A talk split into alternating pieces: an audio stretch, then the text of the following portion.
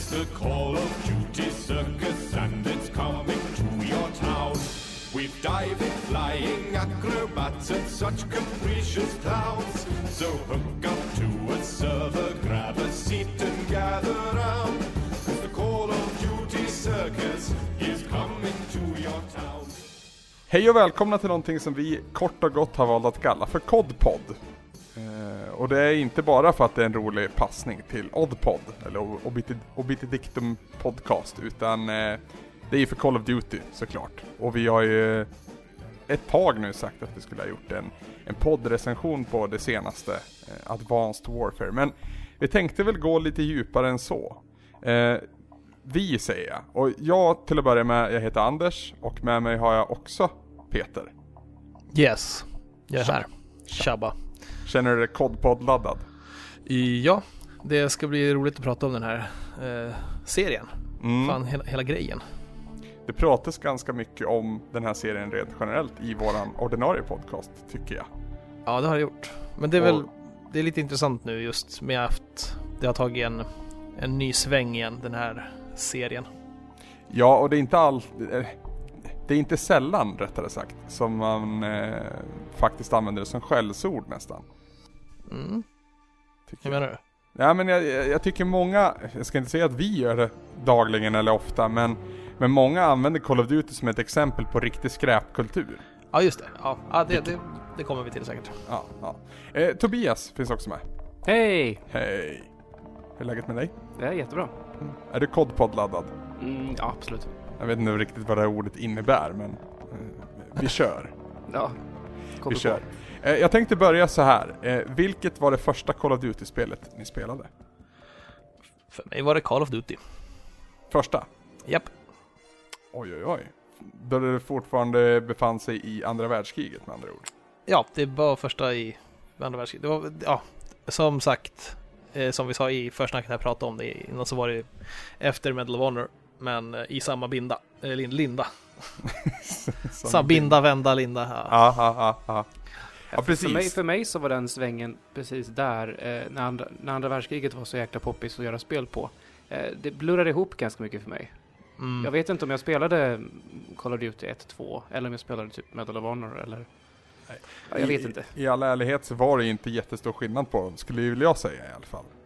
Eh, I Nej. alla fall de, de Medal of Honor-spel som kom innan Call of Duty. För det som hände var att, var det Vince och, och gänget då också som jobbade på, på Medal of Honor? Som gick då sen eh, från Electronic Arts eh, till Activision och startade upp Infinity Ward och skapade franchisen Call of Duty. Eh, ja, eller det... Fan var det det? Ja, du vet det där bättre än mig. Ja, ja jag, jag, jag vågar inte säga rakt ut sådär. Det, det är väldigt mycket text som jag ska läsa till. Men eh, generellt sett så ser väl jag det som att Medal of Honor-serien dog i samband med att Call of Duty-serien skapades. Jo, det gjorde den. Och, Och sen så kom ju, Medal of Honor kom ju i ett eh, dödsryck, ett väldigt skäggigt dödsryck för några år sedan. Ja, just som det, ingen, ingen riktigt ville ha, verkar det Ja, ja exakt. Vad hette det? Tier 1. Eh, Advanced Warfighter. Ja, som. Herregud, de här jävla buzzwordsen alltså. Men, Men, jo, s- hur, ehm, på, på den här tiden, som sagt, det är lite så här gråbrun massa för mig. Det mm, där. mm. Soldier, Bokstavligen. of, For- Soldier of Fortune. oj. ja, det kom innan. Är det, är det långt innan eller? Tror jag. I alla fall första. två år. Jag tror Soldier of Fortune pratade vi 2001 någonstans och första Call of Duty kom faktiskt 2003 redan. Jo. Ja. Ja, det är möjligt. Alltså, för jag tycker att jag vill mig minnas att Soldier of Fortune är typ bland de första så här riktiga 3D shooter-spelen så i samma linje som Half-Life typ. Att det kom kring då redan. Mm. Mm, kan mycket väl vara så. Ja. Jag minns att grej, grejen med Soldier of Fortune, vi spelade det på LAN på den tiden, var väl att det var så jäkla blodigt. Ja, man kunde skjuta av kroppsdelar på olika ställen och det var riktigt göttigt. Mm. Men hur som helst, jo visst, det är ju Vince och, och som är producer på den, Vince Zampella. Och det var väl efter att han eh, fått foten från... De, de skapade, eller de, de eh, designade, de var med i skapandet av Medal of Honor. Eh, Mm. fick kicken eller lämnade oklarheter råder. Eh, Mm. Gick över då till Activisions sida och Infinity Ward. Eh, Just. skapade Call of, Duty-franchisen. Men det är inte bara Infinity Ward som har gjort Call of Duty-spel. Eh, Nej, nej. Ska vi vara noga med att säga. Nej, precis. Vilket var det första du spelade Tobbe? Ja, det är det jag inte riktigt vet. Jag kan ha spelat det någon gång där i början. Men, Ja. men eh, jag vet ju att jag distinkt satte mig ner att nej, nu ska jag nog ge den här Call of Duty en chans. Med Modern, Mm. med Modern Warfare, det första. Ja. Och Mm. det var ju någonstans där spel, spelet verkligen, eller spelserien verkligen fick en skjuts också och nådde de höjder som de fortfarande når upp till idag. Alltså, Mm. Det, eller ja, i... eh, Jag tycker att de höjder som Modern Warfare något är tack vare multiplayer. Medan Call of Duty 1, 2, 3 framförallt levde på sina kampanjer. mm, jo men så är det Ja, jag, jag, tycker att kampanjerna i, i Call of Duty 1 och 2 i alla fall är fortfarande bland de bättre liksom sådana krigs-FPS jag spelat. Ja. Visst är det de då man antingen spelar som amerikan, britt eller ryss va? Ja, precis. Man Det, har en kampanj för vardera. det, det bryter av lite mot trean där tror jag, då kommer även Kanada och Polen in. Mm, Men i ettan och tvåan är det britter och ryssar och amerikaner, ja. just det. Och de hade ju verkligen... Alltså, de borde lägga lika mycket tid på kampanjerna eh, här i de nya, eh, de nya Call of Duty som de gjorde i de gamla tycker jag. För att de är så riktigt släpptes- bra. För övrigt så släpptes Solar of Fortune 2000. Ja men det var det där ungefär. Så tre år innan första Call of Duty. Ja. Men de, de ser ju hyfsat likadana ut i alla fall. Till Ja, så. Typ tidig FPS. Ja, eller tidig FPS. Tidig, vad ska man säga? Det är svårt att prata generationer på PC. Ja. Det är det. Fuck it. Eh, men redan första Call of Duty använde någonting som, eh, alltså en Quake-mod. Eller en Mm. Quake-motorn, en modifierad version av Quake-motorn. Ja, precis. och Den, den, körde på den, tech, den motorn, körde på i- idtech 3. Det är samma sak. Precis. Quake 3. och den motorn har väl funnits där. Man skapade ju då eh, Infin- IW-motorn, eh, Infinity Ward-motorn. Och, och Mm. den har man väl använt sig hela vägen fram till Använder man den i, i Modern Warfare 3 också tror jag? Ja, jag tror det. Men, men ändå, alltså Modern Warfare för mig, eh, behållningen för mig, visst var flerspelarläget coolt och ballt, men jag tyckte kampanjen var asball. I första. Ja, alltså Ja. första Modern Warfare, jag tycker fortfarande det är den bästa liksom Modern Warfare-kampanjen då så att säga. Det, det blir ju betydligt mer Hollywood blockbuster efter det. Eller så är det bara jag som upplever det för att det var första gången och first time the charm liksom. Jo, alltså det var ju lite så sign of the times. De, precis som eh, alltså Call, första Call of Duty, andra och tredje. Det var ju under den tiden det var fett att göra andra världskriget av precis allting. Mm. Ungefär som vi har haft en zombievåg nu senaste, jag vet inte. Fast den börjar tackla av lite kanske, men den håller sig kvar. Men det var ju jättemycket zombies för 3-4 år sedan. Mm. Typ sånt, jag vet inte. Det är bara någonting som ligger bra och top of mind i populärmedia liksom. Mm. 2007 släpptes första Modern Warfare. Jag minns att jag, jag spelade på en PC som knappt orkade med det, men det var jäkligt coolt ändå. Jag, jag vill prata lite om den här kampanjen, för den har många härliga set pieces. Alltså, Ja. båten i inledningen. Som man måste fly från sen. Mm. Det var en, första gången för mig jag kände liksom med så jävla insugen i en, eh, liksom, ja, och det, spelar jag det idag så ser jag igenom kulissen för att det är, det är ju bara en kuliss och det är väldigt Mm. få inputs från spelaren men det var jävligt coolt första gången man upplevde det. Jag kom på en väldigt eh, viktig, viktig grej för mig just i kampanjen med Modern Warfare. Mm. Eh, det var genom den faktiskt som jag greppade ganska mycket av den här grejen med att jag tycker om att spela på svåraste svårighetsgraden. Hmm. Den gav mig väldigt mycket och liksom, och liksom, jag har pratat om det flera gånger där med att, liksom, att lösa ett pussel man, ställ, man ställs inför i, varje rum. Vilken ordning man ska ta gubbar och liksom hitta vägen som spelet är, har tänkt ut åt en egentligen. Mm. Eh, eller typ brute force sig igenom, vilket oftast leder till att man dör. Eh, men det var ett av de första spelen som jag verkligen liksom gick in för att ta, ta tusen av tusen. Jag spelade, jag spelade eh, Xbox på den tiden. Mm. Och eh, nej, men det var liksom väldigt eh, giv, en givande, givande erfarenhet att göra det. det. Och det har ju hängt med ända sedan dess. Mm. Så jag, jag har också väldigt goda, goda minnen utav, av just eh, single player-delen. Och jag har ju aldrig riktigt varit en multiplayer-kille sen jag slutade spela typ Doom 1 som vi spelade jättemycket multiplayer i. Mm. Men, men, ehm, men om jag har fattat det rätt så var det väl i princip Modern Warfare som skapade det här, det här eh, Perks-systemet som är i Oh ja. princip standard idag. Oh ja. Yes. Det var, ju, det, var ju, det var ju det nya heta då så att säga. Eh, kommer du ihåg att jag läste spaltmeter och åter spaltmeter om just perken att, att man kunde släppa en granat i samband med att man dog för att folk tyckte att det var fusk. Och det var liksom bara en av, jag vet inte hur många perks som fanns. Så är det ju. Och sen så, menar, sen så balanseras ju spelet fram och tillbaka Mm. med patchar och grejer och sånt. Det är ju lite grann Mm. som när fighting-spel kommer med det. Alltså, är det, ju, det visar sig ju ganska snabbt när folk spelar vad som är vad som funkar bäst. Ja, verkligen. Det är ganska stor testbase så, hela internet liksom. Efter Modern Warfare eh, så kom ju faktiskt ett annat spel och inte Modern Warfare 2 utan Call of Duty World at War. Och där, Yes. gick, där gick man ju tillbaka lite till eh, andra världskriget. Mm. Även om det senare skulle leda in till någonting annat och en annan gren så kan man väl säga. Ja, alltså det tredje Call of Duty-spelet, Call of Duty 3 alltså pratar vi om, det som kom före Modern Warfare, utvecklades ju inte av ehm, Infinity Ward, utan det utvecklades av Treyarch. Precis. Det var Treyarchs första. eller? Precis. Eh, Mm. och eh, Treyarchs andra då är ju då um, World at War, som också är ett andra världskrigets-spel. Mm.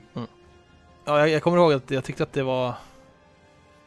World at War just kändes lite bara, really? Fortfarande andra världskriget? Håller vi på med det här fortfarande? Mm. Så här, då hade det, det var mot slutet, eller verkligen, eller kanske till och med två år efter att, eh, att andra världskriget verkligen kändes som att det var klart. Mm. I den här vågen av återpopularisering i alla fall. Precis, för förutom då tre Call of Duty-spel innan så fanns det ju som vi var inne på, alltså Modern War, eller eh, Medal of Honor. Ja, ja. Till exempel. Det finns ju fler exempel från den här tiden, för det var ju verkligen stekhett. Ja, alltså inte bara FPS utan det var ju massa andra spel. Alltså kommandospelen till exempel just. och eh, alla de här, eh, vad heter de då? De här superavancerade eh, strategispelen. Fuck. Ja, nej, jag, jag, Ja. jag vet vilka du menar men Mm. skitsamma. Mycket var det i alla fall. Ja. Och så sen då när man väl hade fått en smak av liksom, ja men modernt krig. Modern Warfare var ju också just det att det utspelade sig i en annan tidsera med andra för, förutsättningar. Och Mm. med, med någonting som inte hämtades, hämtade någonting från historien egentligen. Ja. Utan det var ett helt nytt ark.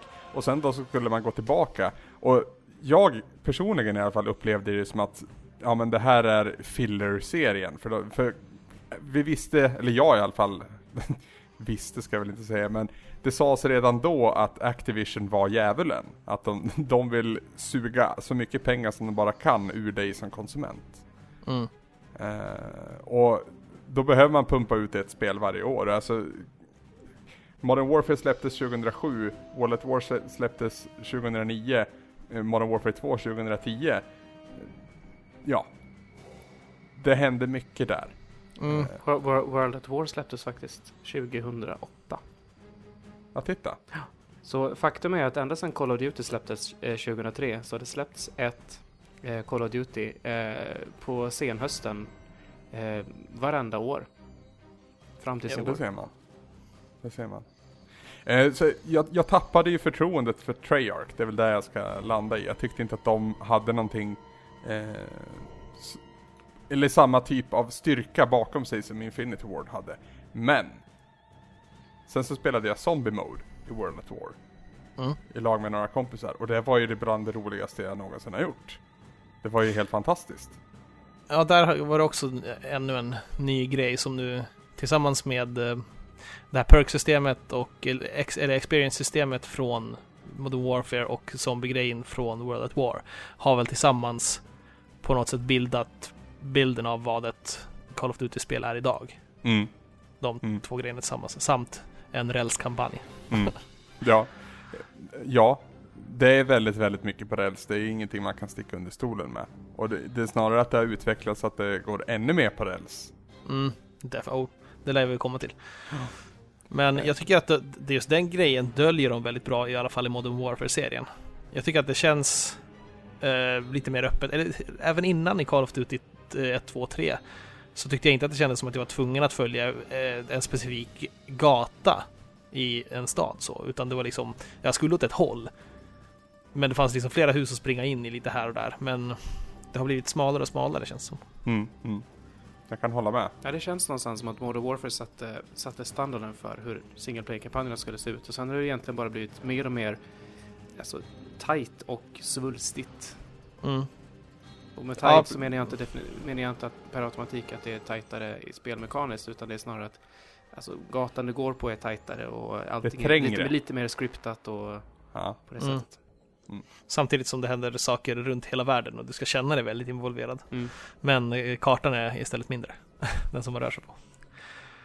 Men eh, jag vet inte, jag tror att ja, det var väl eh, enklare att göra större banor förut när man inte när man inte hade så mycket krav på grafik och eh, skriptade events. Mm, precis. Något annat som är ganska karaktäristiskt för kodspel, de moderna varianterna i alla fall, är ju att eh, det inte bara är klassisk FPS utan det ofta bryter av med lite annorlunda spelmoment.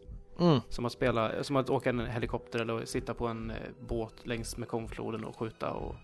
Jag har min eh, största där, är ju utan tvekan AC-130. Eh, Och är det svartvit, svartvita när man släpper bomber? När du, sit, du sitter uppe i, ett, i en AC-130 gunship och skjuter med den här stora haubitskanonen.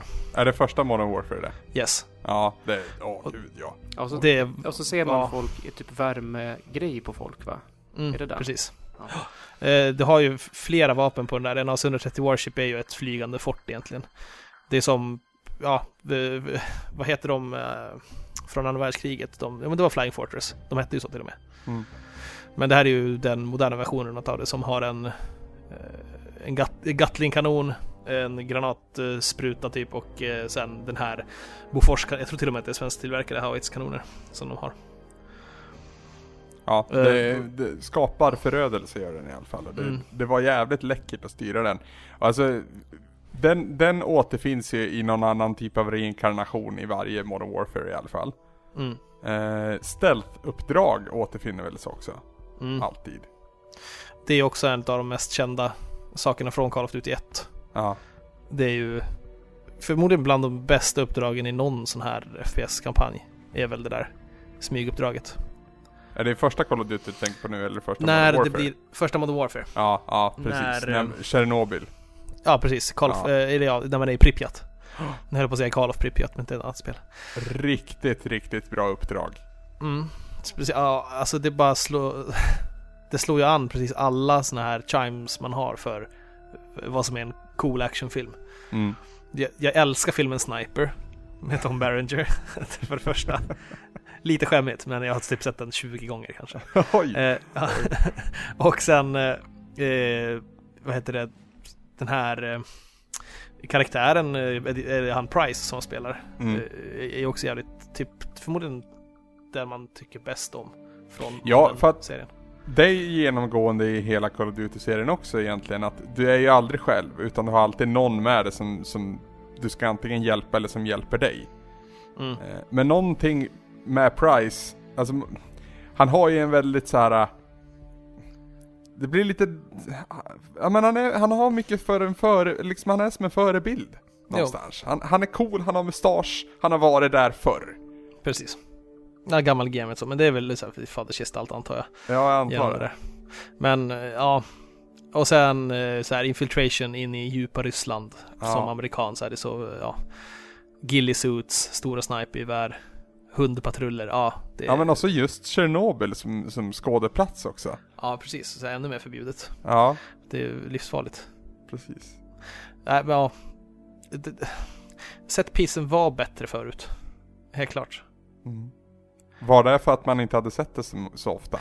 Det är exakt, jag har faktiskt funderat på det tidigare idag också. Var det att man var lättare imponerad för att det här var verkligen en helt ny grej? Mm. Nu är liksom, får de ju skruva upp eh, till raserande skyskrapor och världens jävla James Bond-stämning. Mm. För att eh, det ska få en effekt och istället så blir det att man bara eh, Alltså James Bond-franchisen är faktiskt ingen dum liknelse. Nej. För den började ju någonstans också, eh, visst mycket propagandafilmer och så. Mm. Men, men de var ju aldrig jordnära, men det blev ju för maxat till slut. Alltså efter 11 så kommer man inte så mycket längre. Precis. Eh, och, och många ser ju Casino Royale som liksom så här, ja, nu tog man ner Bond på jorden igen och det är den bästa filmen på x antal år och så. Och jag är väl beredd att hålla med. Och, alltså man, man kan inte man kan inte köra på 11 hela tiden. Det blir liksom ingen dynamik då. Helt klart.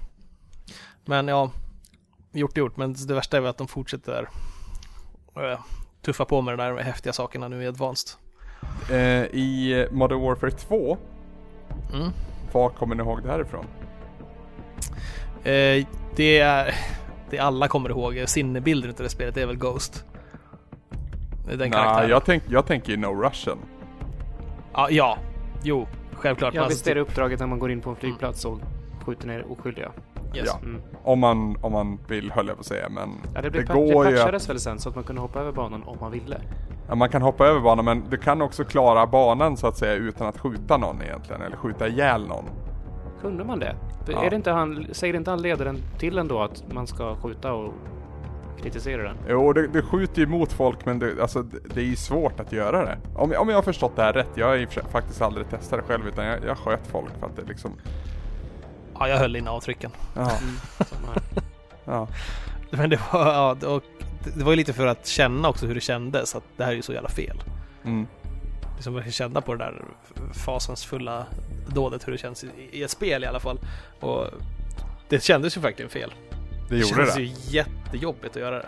Det gjorde det. Och jag, jag skulle nog säga att No Russian-uppdraget var bra för, min egen, för mitt eget kritiska tänkande. För det kritiska tänkandet som skapades då har ju följt med sen. Alltså, det är en sak att gå och skjuta oskyldiga på en flygplats, men fucking Nathan Drake, hur många skjuter är han ihjäl egentligen? Oavsett Mm. om de håller en pistol eller inte i handen. Jo. Ja, så, så är det ju. Och Nathan Drake vill ju ändå porträtteras då som en, som en snubbe som är skön att gå ut och ta en öl med. Mm. Men han är en sån här massmördare. Ja, det blir det stor jävla dissonans där. Ja. Det är konstigt. Men eh, jag... Det var ju det var verkligen en stor grej det där var det förstås. Men för mig så är både Warfare 2 just delen när man är i Brasilien. Mm. Tycker jag. För att det finns någonting med favelor också. Och den här PMC-känslan. Att springa där i så här tight eh, militärutrustning.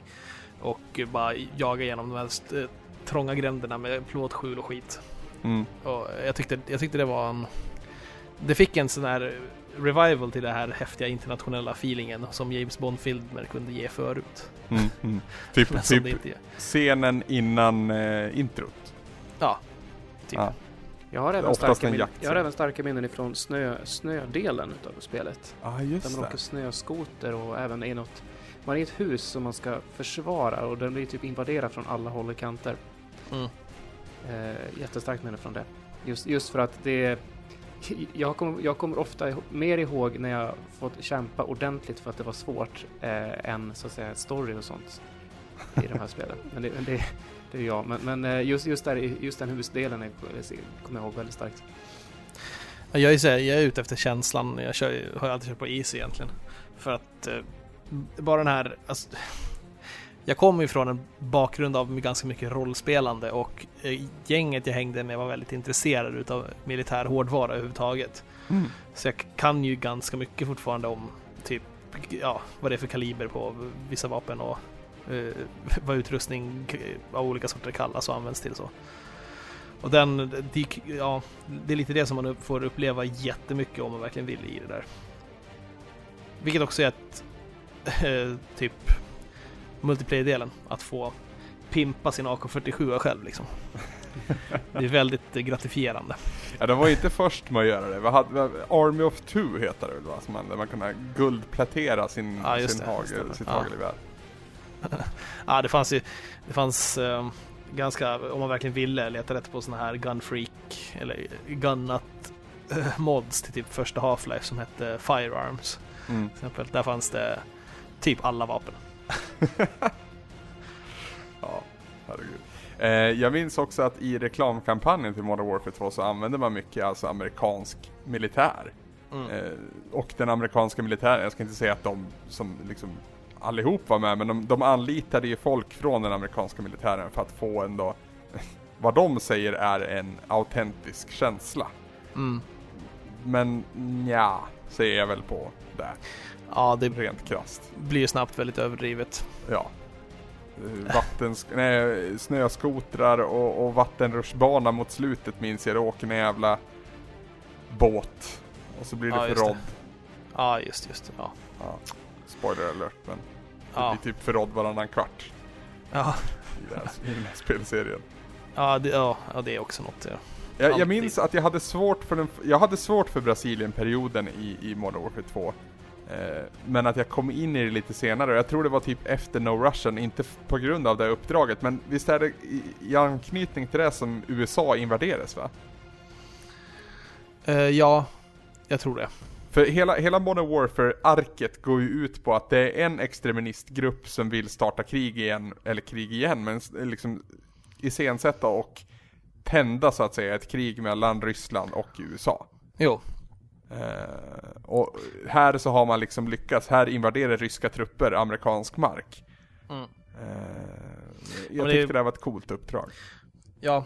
Eh, Hela ark, alltså, i första spelet, i första Modern Warfare så misslyckas man ju genom allting det där. Även Ja. försök, det är ju för att hindra de här ultranationalisterna att ta över den ryska, eh, ryska federationen så. Ja, just och sen i, i, i tvåan då, då är det ju han eh, Makarov som eh, ja, sätter igång terror, terrorattentat och skit och sen använder det som ursäkt för att invadera eller vad fan det var. Precis, precis. Mm. Men efter Modern Warfare 2, Mm. Det är då, det är då vi har det- Black Ops. det är då vi har Black Ops. Och då kommer Treyarch upp på topp igen. För det här ja, är verkligen, verkligen. det bästa tycker jag i hela Call of Duty-serien. Är det fortfarande det? Ja. Hands down. Jag tycker att det här var så, det var så jävla bra. Ja, och i, jag såg det inte komma. Alltså, jag vet att jag skrev ett inlägg typ någon vecka innan release på min dåvarande blogg och sådär att fan det kan ju bli ganska bra det här ändå. Men det var som att man för det första så släppte man ju till slut andra världskriget. Det var välbehövligt. Eh, nu var det istället dels eh, efter andra världskriget men också under ett spann på alltså 20-30 år tror jag det var till och med. Alltså, Mm. det, var, det var ju någonting annat än, mod, än Modern Warfare. Ja. Det var det definitivt. Och det, och det kändes, och det kändes på ett bra sätt. Kampanjen var, det, det, den är också den bästa hittills. Det, det är så här, jag skulle vilja spela den igen snart för att jag tycker Mm. att den är så bra. Eh, och det har liksom till och med genuint starka scener Mm. vid tillfällen. Även om det är en direkt typ rip-off på, på Deer Hunter så är det ju, Ja, men det, det gör ingenting när det är Deer Hunter liksom. nej, det är det inte. Men, ju, men just det att hela spelet utspelar sig, ja nästan hela spelet, att när du sitter fast i en stol och blir, och blir ehm, utfrågad. Och sen minns Ja. du tillbaka till scenerna och sen så känns som att den där stolen du sitter i, det är med den som syns i menyer och sånt. Sen helt plötsligt kommer du loss. Det, är, det, är, Mm. det, är som att, man kan- att det kändes som att man kunde röra sig bakom menyn nästan. Mm. Men det kändes som att man, man gjorde någonting som man inte var menat att göra. Nästan som Ja, när man men, liksom, ja, exakt. Nästan som när man liksom hoppar över elden i Portal. Ja, ja. Det var, det var hela tiden stolen, stolen. Mm. Och sen bara, vänta, har jag kommit ur stolen? Mm. Det, det är ett grepp som inte riktigt använts tidigare och det var ju så här ganska, ja, ja, precis som du säger. Starkt. ja jag, jag är nog fan beredd att hålla med. Alltså jag tror att jag sätter Modern Warfare första fortfarande överst just för set pieces och coolhetsgraden då. Ja, ja, alltså där fick man verkligen komma, för mig var det liksom verkligen att få komma i kontakt med den här eh, nuvarande militära hårdvaran och känslan av att vara en UA-marin liksom. Ja. Och det var ju skitballt. Men, Men minns eh, min, min främsta behållning när det kom till Black Ops, det var ju snarare att du utspelar sig i olika tidsepoker, du utspelar sig på väldigt olika liksom, geografiska ställen. mm, Eh, du hade liksom allt där. Och det, det var ju en väldigt, alltså storyn var ju strukturerad på det här sättet, jag antar för att kunna lösa det. Eh, alltså man valde att bygga en story på det sättet så att man kunde få den här verkliga gott och blandat påsen på hur det ser ut visuellt Visst. sett så att säga. Eh, och nej, det, det jättepositiv överraskning var det. mm. Och för mig var det settingen mycket också, alltså USA som eh, liksom den, den riktiga supermakten när de verkligen hade fått grepp om världen efter eh, ja, post eh, 60-talet och upp till 80-talet liksom. Den eran där, superkapitalistiska eh, rymdimperiet liksom. Ja, jag läser här nu hur, um, alltså när det utspelar sig och 1968 är då man sitter fast i den här stolen. Och sen blickar man bakåt ända bak till så långt som 1945. Man, faktiskt Så pass? Ett, eh, man an- anfaller en nazibas i Eh, Fan, jag hade för mig, för mig man var på 70-talet också ett tag. Men det var mot slutet då ja. Mm, ja, det är 68 där. Så det är ju, jag jag minns ju att de snackade om mån, må, att de ska till månen och sånt, så det är ju bara året Mm. innan. Så. Mm. Och gud, Ja, vi ska komma till månen bokstavligen också. Inte positiv bemärkelse. Nej eh, men eh, Treyarch lyckades och Black Ops var eh, en jävligt positiv överraskning. Och här gör ju Ja. Treyarch återigen ett jätteroligt zombieläge. Ja ja, för tusan. Här nästan man sliper ner det och man putsar till det och man har blivit lite trygg i rollen upplever jag det också. Ja. Eh, man kan vara en kaxig, man kan vara ett kaxigt alternativ snarare än liksom den som spelar på andra fiolen. Mm. Om man ser relationen mellan utvecklingsstudios. Mm. Alltså, ja. Sen har, nu fortsätter jag älta på här om Black Ops, men alltså estetiken också kring den eran är ju så jävla schysst. Det, så, det, det påminner om det man sett från filmer i barn, på barndomen. Liksom. Mm, mm. Eh, Just alla gamla actionfilmer från 70 och 80-talet som ändå, ja, de, har, de bär ju arvet från 60-talet också. Så. Mm. Så, eh, och sen karaktärer som Kennedy och Nixon och allt. Ja, Framförallt att få storma in i ett hus och bara i slow motion skjuta Fidel Castro i pannan. Det är ju det är så jävla galet. Ja. Och sen visst, de har ju kanske gjort sådana här spel tidigare där, där man eh, där man får, och efter det också, där man får eh, skjuta kända politiska ledare eller what not. Mm. Men det här var ju gjort så snyggt också att det var, de, det var väl en story sen att de hade en de hade ju body doubles och var det en body double man sköt eller var det riktiga Fidel man sköt? Fick man veta det?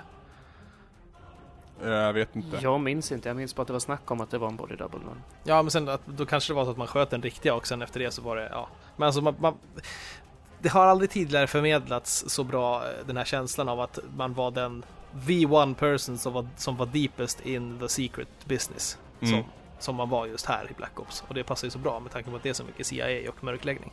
Mm. Ja men det, och det var ju vad kalla kriget gick ut på i mångt och mycket. Så att de Ja. tog ju tillvara på det också. Mm. Så, så här hemlighetsmakeriet och eh, Ja precis, skiten. ingenting var officiellt, allting var Black Ops. Mm. Ja. Modern Warfare 3 kom året därpå. Där tycker jag att vi hittar brytpunkten i när det, när det blev för mycket James Bond. Jag försöker åter, eh, försöker, försöker minnas heter det. Nej, jag spelade här- inte spelet. Det här, här tog jag ett break. Det var, det var bra för mig här. eh, På ett tag. Här hade du, eh, alltså nästan varje mission man körde hade någon sån här helt fantastisk setpiece som var så här, bara men herregud. Vad det som Ja men det är händer? precis, det är, du utspelar sig i Paris vid något tillfälle och eh, Eiffeltornet rasar va? Ja, var det så? Nu minns jag inte riktigt, men jag, jag minns det som att jag liksom satt och bara kände att det stod mig upp i halsen all den här jävla skiten. Mm. Eh, I slutet av Modern Warfare 3 Mm. så spelar du ett sånt här uppdrag som jag tror, vad jag vill minnas, så var det Gears of War 2 som hade det här uppdraget eh, allra först. Det kan absolut vara någon annan före det, men du vet, det här uppdraget i slutet där du i stort sett inte kan dö, när det är tänkt att du ska känna dig OP. När det är Mm. tänkt att liksom, nu ska du, du ska nästan, det är nästan som att du ska få betalt för allt slit upp till den punkten. Ja, det, det är när du rider på den här Brumax heter de va? Exakt, Mm. exakt. Och ett sånt moment har du definitivt i slutstriden i, i eh, ja, förutom Modern Warfare 3, även i Advanced Warfare måste vi Ja, säga. ja, men det är ju det är samma version fast olika teknik, tekniker. Men då har ju Price och eh, är det, är det Yuri som har med sig? Ja, det är den du spelar. Ja, men det är väl Yuri, han som gjorde No Russian-uppdraget i tvåan. När no, han som gör No Russian-uppdraget blir skjuten i slutet. Ja, det kanske blir. Ja. Fuck it, men de, Soap de har... är någon också. Jag skulle vilja säga att det är Soap och Price som gör det. Ja, fast jag vill fan minnas att Soap var med, men att han... Jaha. Ja, det spelar Skitsamma. ju fan ingen roll. Nej, men i alla fall, de går ju typ så här heavily armored bombsuits och som tål ganska mycket skott. Ja, ja, det var ju Robocop. Mm, du, verkligen. du gick ju in och sköt alla och brydde dig inte om om du, om du blev träffad själv. Mm. Eh, upp till den punkten så, jag minns att kampanjen var svinkort. Ja. Det var den. Det var... Jag kommer ihåg man... man Price, eller vad fan var det? Det var Soap som eh, blev... eh, Blev han skadad i början, eller var det i, redan i slutet på tvåan? Jag vet inte. Någon Fan. blir ju skjuten i slutet av tvåan också. Ja, När, när man blir förrådd. För då Just. spelar ju det som den personen och sen blir skjuten av en eh, amerikansk eh, general, vill jag minnas. Som Mm. liksom står på ja, ondryssens sida. Det här med namn och vad spelar det för roll egentligen? Men, men eh, det är ju Captain Price som liksom har sitt tag team genom hela serien egentligen och den är ju som mest renodlad i Modern Warfare 3. Mm. Eh, och alldeles i slutet där, då är det liksom Nu jävlar har vi honom. Nu har, nu, nu, han är i den här byggnaden, nu kan han inte rymma. Så rustar man på sig den där superroboten och går in och bara skjuter allt. Eh, ja. Och det kändes som en bra så här, Blaze of Glory för att avsluta den trilogin. på något sätt. Men ja, det gick igenom hela spelet, den där överdriftkänslan. av att, eh, Man springer omkring på tak i, Prag eller vad fan det är också. Ja, det, det känns också, det blir bara trångare och trångare. Det är mer folk man ska skjuta ihjäl och det bara händer saker hela tiden. Det, Mm. De Mm. har inte... Jag, jag håller ju med, jag tycker inte Modern Warfare liksom är vidare bra, men jag, jag gillar ändå den där slutscenen. Eh, för att du har ju spenderat hela jävla tre spel med att jaga den här jäkla personen. Mm. egentligen. Och nu kan han inte fly. Det är liksom payoff någonstans. Ja. Eh, Det är ju precis så som en eh, som en sånt typ av uppdrag ska vara strukturerat tycker jag. Yes. Ja, ja, men det är bra. Eh, annars så, jag vet inte. Ja, det så, alltså generellt sett med Warner Warfare 1, 2 och 3. Det sålde multum, det sålde absurda summor och slog varandras rekord om vartannat. Ja. Eh, Och jag- hävdar att det är till stor, stor del kanske nästan bara för multiplayer-grejen. För det var verkligen här det kom igång det här online-fraggandet Mm. och e-sporten. Ja, och och på konsol också. Mm. Ska vi komma ihåg. För att online-fraggande innan, det är klart att det fanns andra konsolspel som också hade online-fraggande. Men Mm. eh, någonstans var det Modern War- Modern Warfare som tog liksom den stora striden till konsol. Det var det definitivt. Alltså, du, Med- hade, med att, Quick för- scope och allt vad det innebar. eh, du hade ju redan Call of Duty 3 så var ju på konsol. Mm. Men, men eh, det var inte riktigt samma grej alls. Nej. Är, är Quickscope exklusivt för konsol? Jag har inte riktigt förstått det. Det tror jag inte. Alltså, alltså du kan säkert sikta in, men just det att den autosiktar på närmsta fienden när du quickscopar. Mm, nej, jag tror inte det. Man, du, man, du man, man, ju, man, man exploitar ju den grejen in absurdum när man spelar det här. ja, man liksom- framförallt man om man spelar på hard liksom- kan jag tänka mig. Man bara pumpar på den hela tiden för att den ska auto hoppa runt mellan gubbarna. Yes. Eh, Men alltså alla Call of Duty-spel på PC kan du ju spela med handkontroll. Så att jag, jag har svårt att se... Jag borde ju minnas det här för att jag spelar ju eh, första Modern Warfare på PC först. Mm. skitsamma då. Ja, ettan och tvåan spelade jag. eh, Jag spelade ihop på PC. Nej. Black Ops och trean har jag på PS3. Mm. Så där bytte jag till till eh, konsol. Och det var ändå rätt, alltså att just att det var väldigt nära mitt byte från PS till konsol och då ändå lyckades eh, Black Ops vara så satans bra som det var. Mm. Det- då, hade jag, då var jag fortfarande den som tyckte att man skulle spela med mus och det är väl till viss bit fortfarande också. Men alltså, det är väl just quickscopandet och att de har lyckats. Alltså Infinity Ward, alla de här, Infinity Ward, Treyarch och Sledgehammer har ju de har ju det down to T hur man gör ett bra FPS på konsol. Mm. När det gäller, när det gäller bara handling.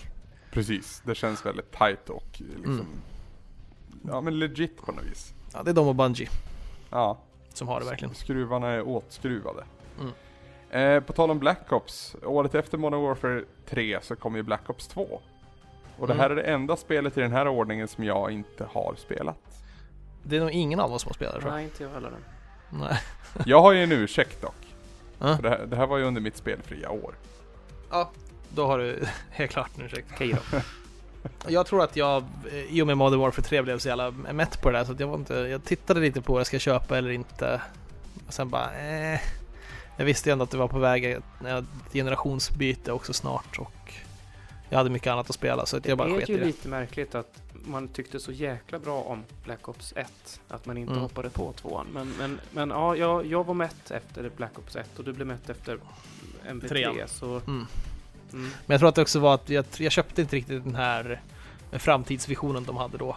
Nej. Eh, Jag, jag tror att det var till bättre i Advanced sen.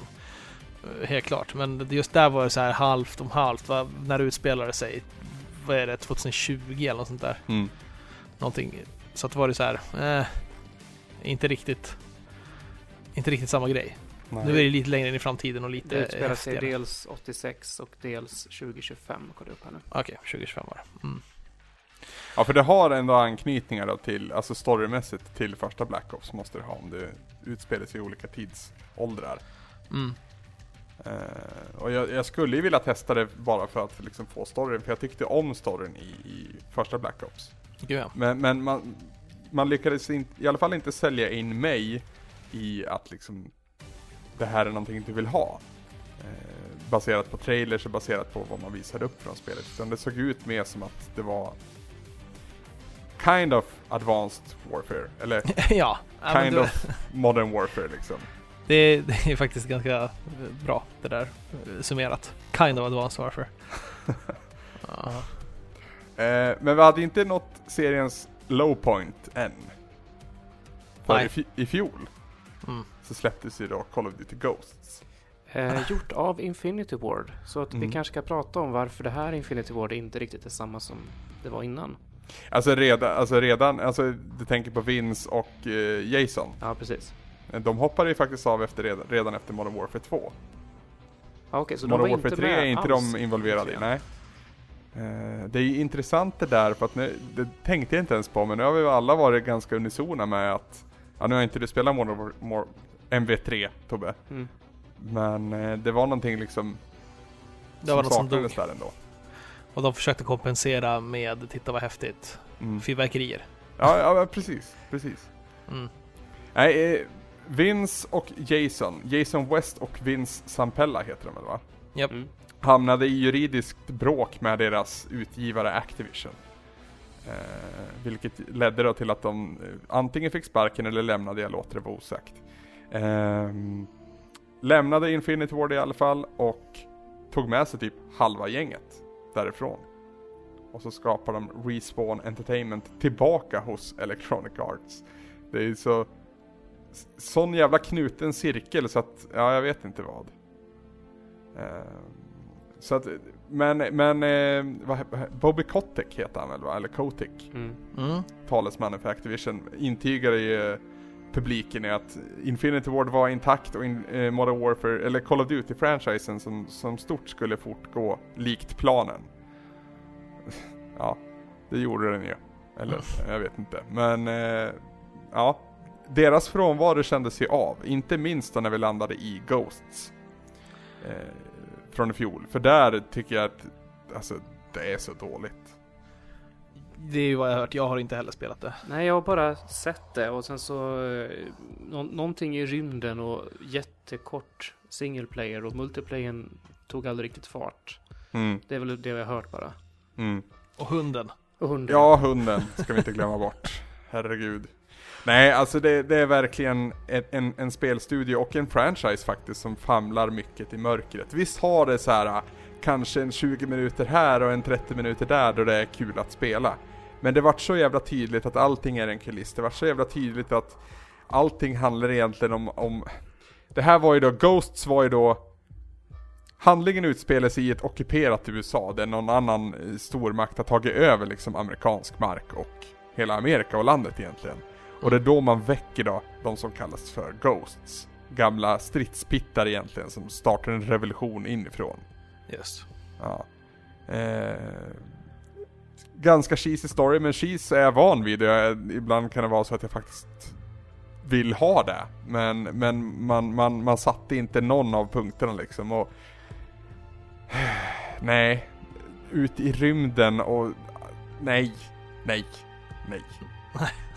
Ja, jag, jag kan inte gå in mer på det, men det, det, det, det bara funkade inte. Det var så jäkla dåligt. Jag har spelat både för det var ju ett sånt spel då som släpptes både till eh, förra generationen och nya generationens format. Mm. Eh, skulle man ställa upp dem bredvid varandra så skulle jag absolut kunna se vissa skillnader men annars det var ju i stort sett samma spel och det var så jävla underväldigande. Och du vet, så här absurdum till tv-spelslogik att folk blir skjutna tre, fyra gånger och så sen så kommer de ändå tillbaka och går som att ingenting har hänt. Mm. De har liksom absorberat kulan och bajsat ut den och så sen så fortsätter de.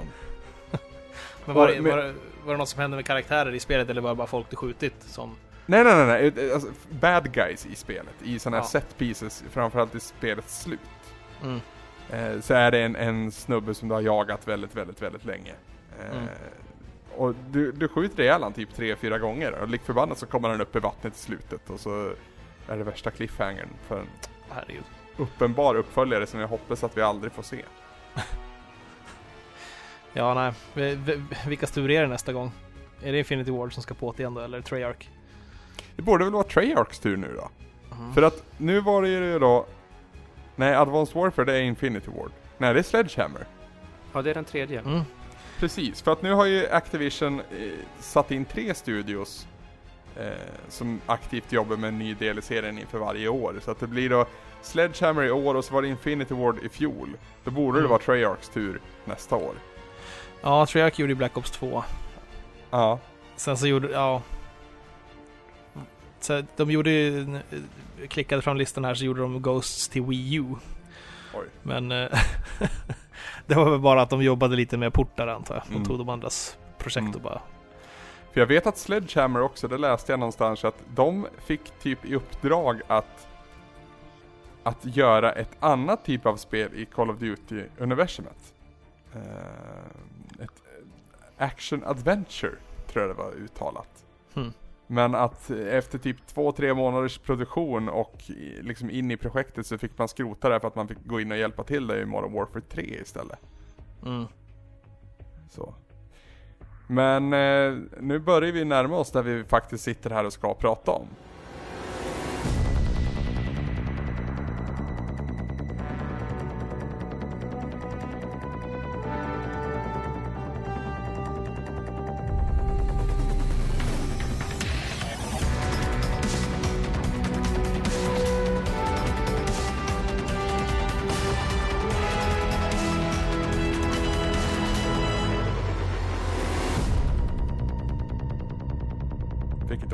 Årets eh, Advanced Warfare. Ett, Yes. Ännu ett nytt spadtag. Mm, och den här gången som sagt Sledgehammer Games som kommer in. Känns som sagt, eh, de gjorde väl ganska mycket multiplayer-material till Modern Warfare 3. Vill jag minnas. Ja, Och- det, det är ju ett intressant grepp bara det att det här har ju blivit en serie där det i flera fall har varit så att ett företag har gjort multiplayer-delen och ett annat företag single player. Mm. Ja, fast är det så många fall förutom det? Jag, min- jag minns på andra sidan stängslet hos Electronic Arts och i deras Medal of Honor och Medal of Honor Warfighter eh, så använder man, man använder DICE till flerspelarläget där vill jag minnas. Mm. Ja, det stämmer. Sen, eh, jag för mig att du har olika utvecklare på delar av eh, eh, Dead Space också. Multiplayer-delen i Dead Space 2 eller något sånt där. Mm, mm. Har annan utvecklare. Mm. Ja, hur som helst. Anywho, Advanced Warf eh, Warfare heter det. Det är så Mm. jävla mycket W och Advanced och Modern och Black och... Ja men det, där är, det här är en riktig mardröm alltså. Call of Duty Advanced Warfare, Medal of Honor Advanced Warfighter. Ja, Det, det, hade de släppt samma år, då det hade gått helvete. ja, ja. Men eh, ni, ni har ju båda spelat spelet och jag också. Mm. Ja, vi alla tre har klarat kampanjen, Yes. eh, färskt i huvudet och har spelat ganska mycket multiplayer. Ja, jag har väl inte spelat jättemycket multiplayer. Jag har inte Vad är det ens startat eh, multi- Ah, okej. multiplayer men jag har spelat en hel del eh, co-op. Ja, just Vad är, det. det, vad är det för level Anders i multiplayer? Typ 14 eller 15 där någonstans. Ja, Ja. Jag har tagit mig upp till 22 eller någonting så jag har inte spelat särskilt mycket mer än det då. Men, Ja, ja. Det, det går ju fort upp till typ level 8. Ja, det är det. Sen så börjar det gå segare och segare och segare. Ja, tre, fyra matcher per level och sådär. Ja, typ. Så. Sen är det väl att jag har spelat en massa annat senaste tiden. Jo, jo, ja, samma här. Jag ska inte säga att jag har världens sug att, att gå tillbaka till det, men det finns ju där. Och framförallt nu när jag köpt det digitalt så finns det ju alltid på min PS4, jag behöver inte stoppa in en jävla skiva utan jag kan bara bläddra till det och bara trycka start. Verkligen. Älskar jag med digitala. Om inte, Ja. om inte den förbannade hårddisken tar slut för att spelen är 50 gig stora. Men alltså jag tror definitivt jag kommer komma tillbaka dit om jag känner för att skjuta folk online. Då Ja, kommer jag, in, jag kommer ju inte sätta igång multiplayer-delen särskilt mycket på Far Cry 4 som jag sitter och spelar nu. nej. Det är ju liksom inte samma värld ens. Men går det till Destiny eller går det till det här? Jag går till det här för multiplayer. Det gör jag. Det är lite mer, det är lite mer tuggummi. Det är lite mer fast-paced, kortare matcher och... eh, Ja, det är mer ytor. lättsamt. Ja, det är lättsamt. Och samt att du blir mer belönad i det här på, på det... Herregud, varje match händer ju någonting. Ja, ja, ja. Du får ett par skor, du får några Nigerian Police Shoes. Så man jublar över. Ja, Des- Destiny är ju inte jätte glatt i att ge dig saker. Nej, bekant. verkligen inte. Men eh, jag tycker, jag tycker multiplayer är bra i Destiny, verkligen. Men, eh, men eh, det är inte alls samma grej här. Det är inte alls samma eh, return på det. Nej. Eh, ska vi börja i, vi hade alla spelat single player-kampanjen i alla fall. Ja, Eh, och Advanced Warfighter innebär ju Kevin Spacey tydligen. Ja. Så spelet är ju han. ja, ja. ja. Faktiskt. Eller rättare, sagt, jag- rättare sagt, det är in, egentligen så är det inte ens Kevin Spacey. Egentligen så är det ju House of Cards, eh, oh, vad heter han där i? Frank Underwood. Precis. Det är ju. Frank Underwood de har castat. Ja, det känns som det. Ja, Han har väl eh, samma, liksom, han är ju klädd som en politiker och eh, är lite samma så här, forceful. Ja, så har han väl en guy. sydstatsdialekt även i Advanced Warfare, eh, även i spelet va? Ja, visst hade han det? Ja, jag reager- ja, det kan vara ni som läser av in det i det. alla fall. Jag reagerade inte på det i alla fall. Nej, den är ju mer påtaglig i House of Cards, absolut. Men... Eh, eller så är man bara van att höra han med sydstatsdialekt, det kan vara det också. Ja. Anywho, eh, vi behöver inte gå igenom storyn, men va, vad tyckte ni om storyn? Vill jag veta. Jag tycker att Ja. jag, jag, det kändes som att den har gjorts förr. Gud, Alltså, ja. ju, ju, alltså just den här grejen med att vi... Eh, världsfred kan bara uppnås genom att döda alla och, bör, och, och liksom dra igång det igen på nytt med en, en ensam diktator. Det, det där tankesättet liksom finns i, på så många olika ställen. Allt ifrån Naruto nu liksom till, Mm. till det här till... Det, det är så gjort. Mm. Mm. Och det, Det- det, det, känns också lite fegt. Eh, att att, man, att man går i redan intrampade spår. För att jag hade tyckt att det var fräckt om det hade blivit krig. Varför kan det inte vara amerikanska militären som är ondskefullt? Alltså, mm. Det, förstår du? Ja. It, it would never fly in the US. Nej. Nej men det är fan! Treyarch hade vågat. Ja, det kanske man hade. Men jag menar, ja, det är, så, det är otroligt symptomatiskt för, för tiden nu när det gäller te temat militär. Du, Mm. kommer inte, du kommer inte undan PMCs överhuvudtaget. Det, som det introducerades i som ett Gear Solid 4 eh, ganska hårt där också, att Private Mm. Military Contractors har tagit över världen typ och för eh, anonyma krig, i, eller proxy wars in eh, forgotten countries typ. Han Mm. var ganska tidig där ändå, Kojima. Måste, det måste man ju ge Mm. honom. Mm. Jo. Men sen, sen dess så har det ju bara rullat på. Alltså, du har, PMC-temat går igenom allt. Och nu så, tanken var väl att de skulle ta det vidare och göra det till en, så här långt kan det gå om vi inte aktar oss, liksom. Göra någon slags kommentar. Mm. Men jag, jag köp, ja, det här det har gjorts sedan 80-talet. Om inte tidigare till och med i så här mindre, mindre, vad heter det, populärkulturella uttryck, som jag, vad jag minns i alla fall. Mm. Jag kommer ihåg när jag, när jag spelade rollspel som typ 11-12-åring jag började, så spelade vi MUTANT. Och i den delen, här svenska MUTANT eh, rollspelet som kom då, från äventyrsspel i alla fall, det var röda frontcovern. Svart med röd text. Eh, där så var det ju så här, det fanns förbjudna zoner av nu- Nuclear Waste Desert och sen så i megastäderna så styrde företagen. Det fanns inga nationer. Företagen hade tagit över allt. Mm. Privatisering är farligt vet du. Mm, det är det. Men det, alltså, de försöker väl visa någon slags eh, ta privatisering till sin, till sin point så att, att eh, eh, sovereign nations fan, k- hur säger man det där på svenska? Eh, självständiga länder eh, inte har ett smack att sätta emot de, här monstren de har skapat Precis. eftersom de har alla resurser. Precis. Så, men jag tycker inte de lyckas så jävla mycket. Det är liksom, det är klart, de bara visar att ah, så här kan det bli, men det är inte så här att man bara wow man! Blir värsta överraskad. Mm. Alltså, alltså jag tror spelet är ju skapat för alltså en relativt dum publik om man ska använda de, de uttrycken. Alltså någon som vill motsvarigheten till bakfyllefilm på en söndag morgon. Det ska, Ja, inte de för, det ska inte vara för avancerat. Alla ska kunna greppa det. Det ska vara en anledning till att få skjuta. Det ska vara Michael Bay. Ja, precis så. Ja.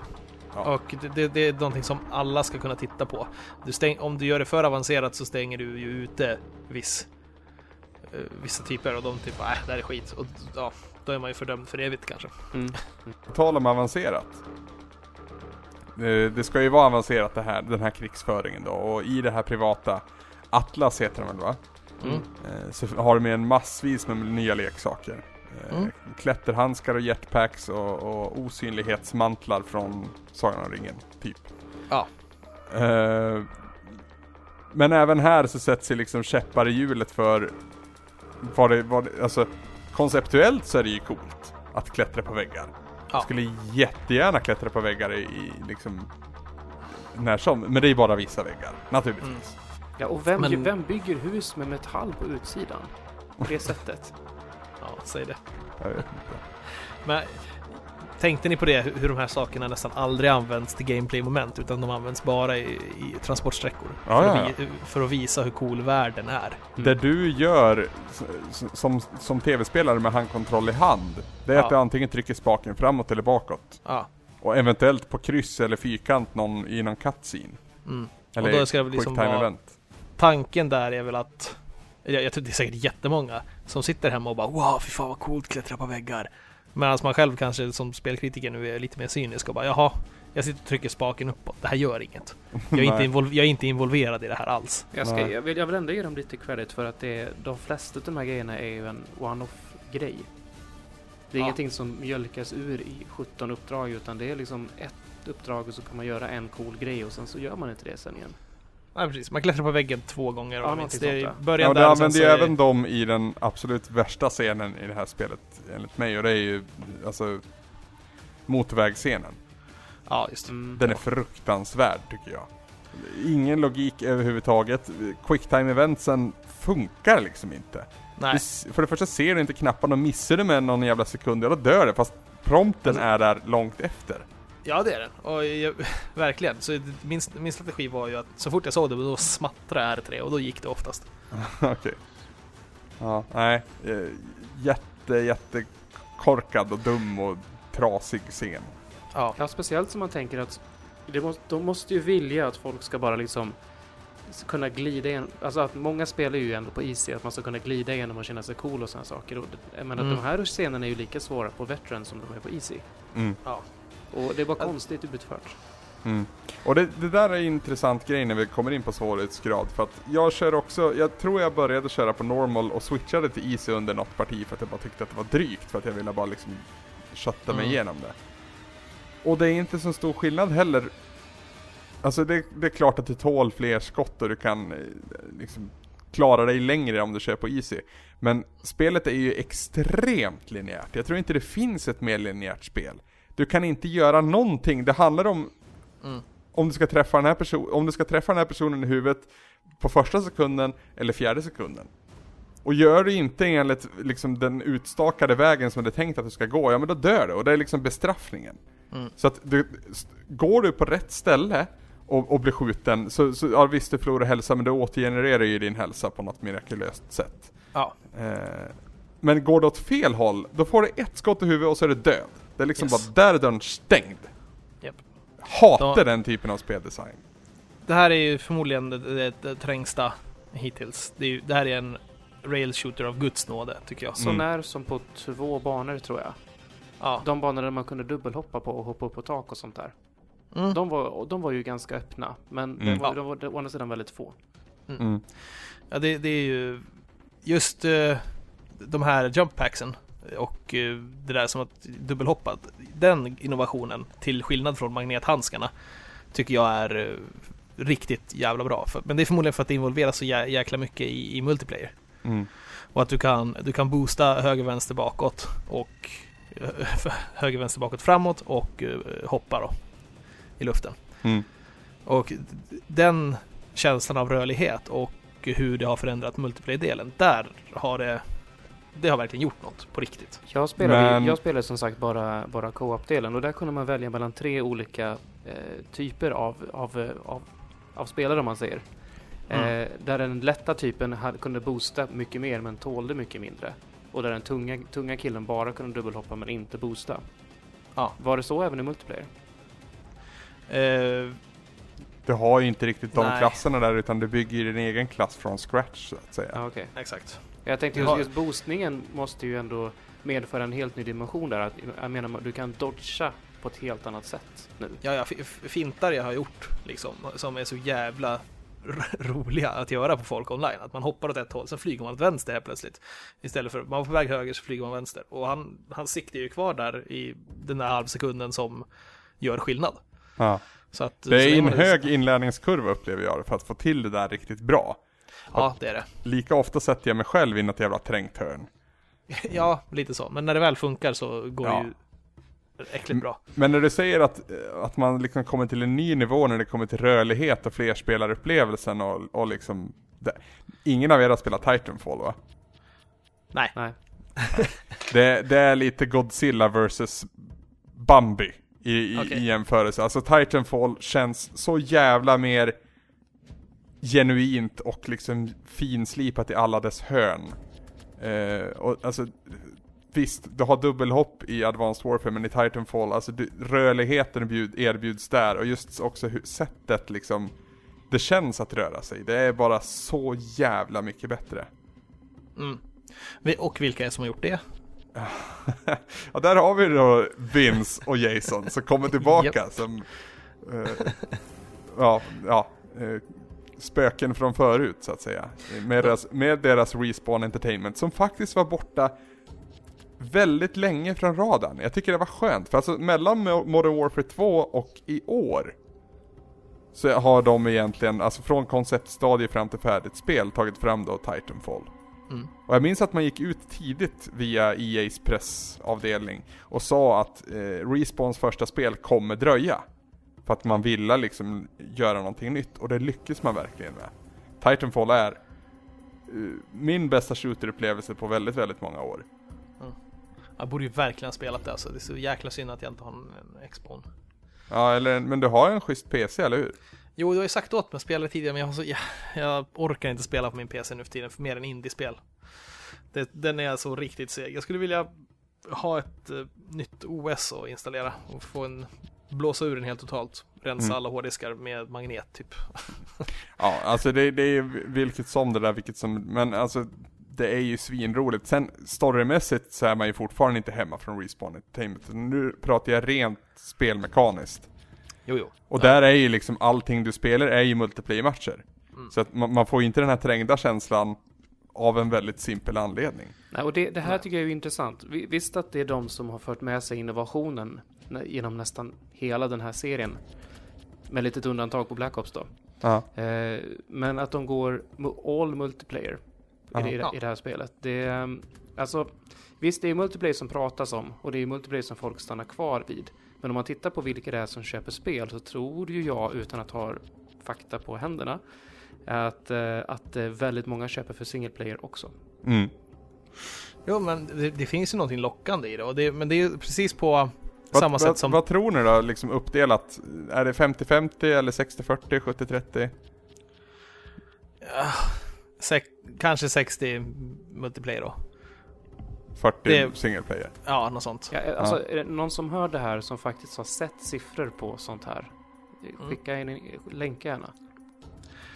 Ja, ja men som sagt, det är inget konstigt att folk spelar det för, för den delen tror jag, eftersom att precis som Dan Brown och den sortens berättande får den att känna sig smart utan att egentligen göra något, så får ju det här den att känna sig cool utan att egentligen göra någonting.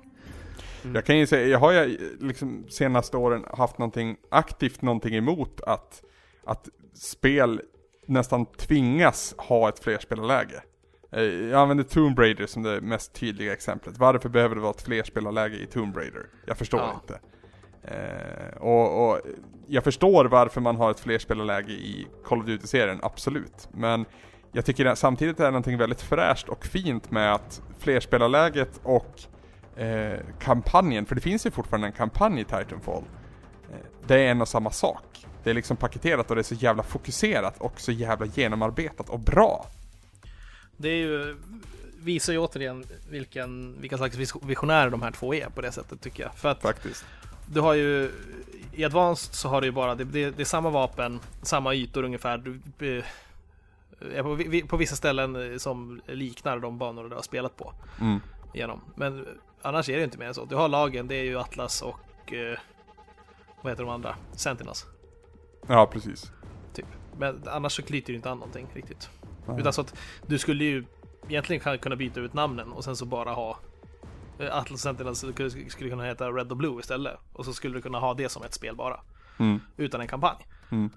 Fast så saknar du fortfarande Titans, kan jag säga. alltså, nu, nu blir det väldigt så här partiskt. Nej, nej, nej. jag Nej, nej jag, jag, menar, jag snackar om Advanced. Ja. Hur, hur det skulle kunna, man skulle kunna skita kampanjen. ja, ja, ja. Så är Ja. det ju. Ja. Så är det ju. Eh, och, och absolut, det skulle, det skulle säkert fortfarande sälja eh, väldigt mycket och det skulle vara väldigt uppskattat men det skulle inte vara Titanfall, det var väl det jag Nej, ja. vill säga. Mm. Eh, Det som händer när man, när man droppar Titans mitt i allting, det är att det blir liksom flera matcher på en gång. Och, och det blir ju Titan-dueller samtidigt och, och så har du bottar där i som gör att du kan, eh, ja men du, träffar du på ett gäng bottar så tar du ju ner dem väldigt, väldigt enkelt och får också perka upp dig själv. Och det är bara jävligt smart. Och att man har byggt in en parkour element liksom i, i själva piloternas rörelser. Nu, nu är inte det här en, en recension av Titanfall för det har jag pratat om innan, men Jo. både när jag liksom tänkt positivt och negativt om spelet så har det fortfarande alltid funnits med där i periferin att Titanfall är bättre och jag önskar att jag hade en Xbox One.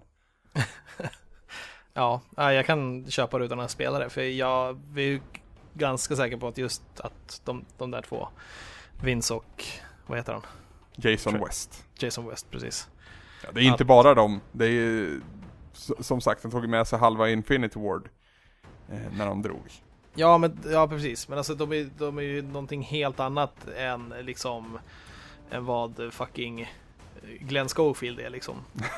Att han, han står med alla handlebar mustasch och tight t-shirt på eh, kaféet här på Odenplan när vi var på den här visningen och berättar hur det här spelet inte är science fiction utan science. Det är så bara, so it's not science fiction, it's science.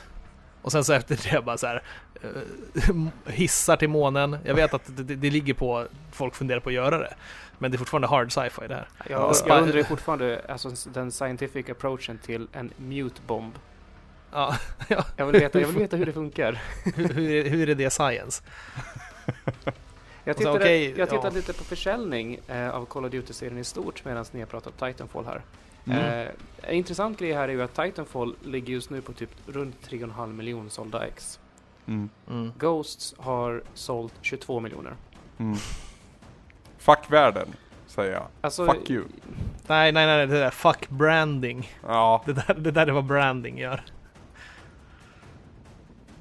Då, Ja. säger, då, då, köper ett, då köper ett spel som är skit för att det heter Call of Duty.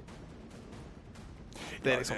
det är klart att det påverkar att det har varit, men eh, så mycket, jag vet inte. Eh, Titanfall släpptes ju under en period där fortfarande Microsoft med sin Xbox One famlade lite i mörkret.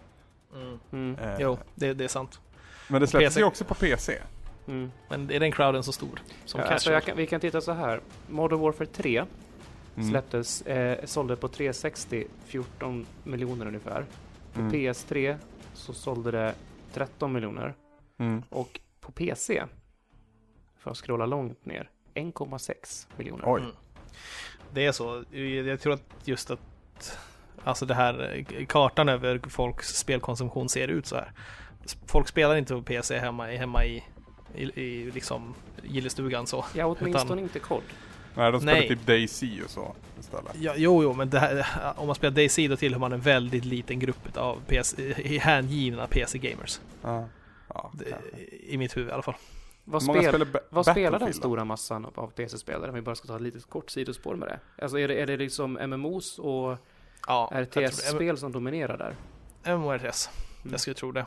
FPS Moba, är va? hem... Ja, Ja, och Moba förstås. Herregud, Moba är den absolut största. Det tror jag. Men FP, Med tanke- FPS med typ CSGO och sånt? Ja, alltså jag, jag tror att vi har en beskärd del den där Battlefield och Call of Duty spelas ju där också, men, men inte på samma utsträckning. Konsolerna har tagit över så mycket. Mm. För att folk förknippar det mer med spel också. Jag att ha kommer, en kommer på en sak här nu. Att, att, eh, jag, jag, tar, jag tar försäljningssiffrorna från VG Charts. Och Ja. eh, där är säkert inte digital försäljning via Steam och liknande mer räknat. Ja, det kanske inte är. Då har vi något helt annat. Det är nog fysiska kopior i butik skulle jag gissa. Sen är det ju fortfarande, alltså piratandet av PC-spel är ju fortfarande också. Men då kan du inte, faktor. spela, då kan du inte spela online. Nej, men oftast. om, om, om det nu var 40% som skulle spela single player bara. Mm. Så, ja. Mm, mm, mm. Anywho. Eh, någonstans så pratade vi om eh, Advanced Warfighter. Nej, Advanced, Warfare. Warfare. Fan. Eh, senaste kod. Eh, vi tyckte väl inte att... Eh, har jag tolkat det rätt om vi inte är så här superimponerad av kampanjen? Alltså jag, jag är inte superimponerad av storyn i sig. Jag brydde, brydde mig inte, inte så mycket om den. Men jag måste ju säga att den faktiskt... Jag tyckte om den här one-off-grejerna, att, den- att den varje bana kändes unik. Mm. Det var någonting Mm. nytt på varje bana. Eh, och Det är liksom bra, bra tempo genom spelet. Ja, och det var ju inte, jag tycker det var ganska lagom långt. Det var ju inte det längsta kodet och det var ju heller inte det kortaste. Nej. Jag, Mm. jag spelade igenom hela spelet på Veteran från start till slut på 7,5-8 timmar ungefär. Mm. Och, eh, nej, men jag Och då, då ska vi veta det här gott folk, att Tobias är lite av ett monster för det. Så det, det liksom räkna med dubbelt. Ja, ja. Du, du, men du- började tidigt redan Tobbe med att spela FPS på hard. Så. ja, som sagt, det var ju Modern Warfare 1. Tobbe Yes. ser The Matrix vid det här laget. Ja, precis. Det är faktiskt inte så svårt att se The Matrix Nej, det i är Call of. Duty-spelen. inte, inte i sådana här spel. Nej. Nej, alltså, det, för, man, det är väl det som har så stort problem med det. Att, för mig att det känns som att man är en passagerare i kampanjerna. Det är ju att, du, du är på väg någonstans, men du, du snarare du får vara med under resans gång. Mm. Mm. Du får aldrig vara faktiskt- tongivande eller delaktig egentligen. Nej. Utan du får, ett, du får en order att öppna den här dörren och du får Mm. en chans att skjuta den här pistolen eller är knockad. Men i regel så är du aldrig liksom initiativtagaren till någonting. Nej. Det kunde man vara i början utav Call of Duty känns som. Ni ska in och ta över den här stan och då ska typ alla tyskar där dö. Ja. Och då är det så här, ja men fan nu fuck it, nu flankar jag över det här fältet. Och så går jag här i något jävla hus, jag sparkar in dörren, dörren, oj det är fullt med, med nazister, jag skjuter ihjäl dem. Och Ja. liksom, det, det var en helt annan sån grej. Det, hade det här varit det, då bara, okej bara, uh, we, gotta, we gotta cross this field. Och sen så bara, do it now. och sen så fram till dörren och då så vänta på allihopa tills du får trycka på X för att öppna. Och då kommer du in och så får du skjuta ihjäl alla i slow motion. Ja. Så hade det sett ut då. Medan det i Call of Duty 1 var väldigt kaotiskt och man bara hade en sån här tysk k-pist, man hade Schmeiser man hade plockat upp från någon lerpöl någonstans, sparkade upp dörren och höll in avtryckaren och det Ja, flög sköt hjälmar från och blod. höften gjorde man också. Ja. och en hjälm, eh, en sån här tysk eh, andra världskriget hjälm flyger i luften för att man träffar någon i huvudet, det var spruta blod och kroppar flyger. Så det, det, det är verkligen vad jag kommer ihåg utav första, tre, eller första två Call of Duty i alla fall Ja. hur jävla kul det var och det kändes verkligen som att man var ett, en slags typ, vad heter han?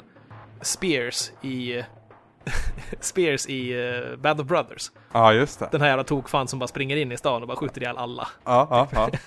Lite den känslan var det som jag tyckte var kul.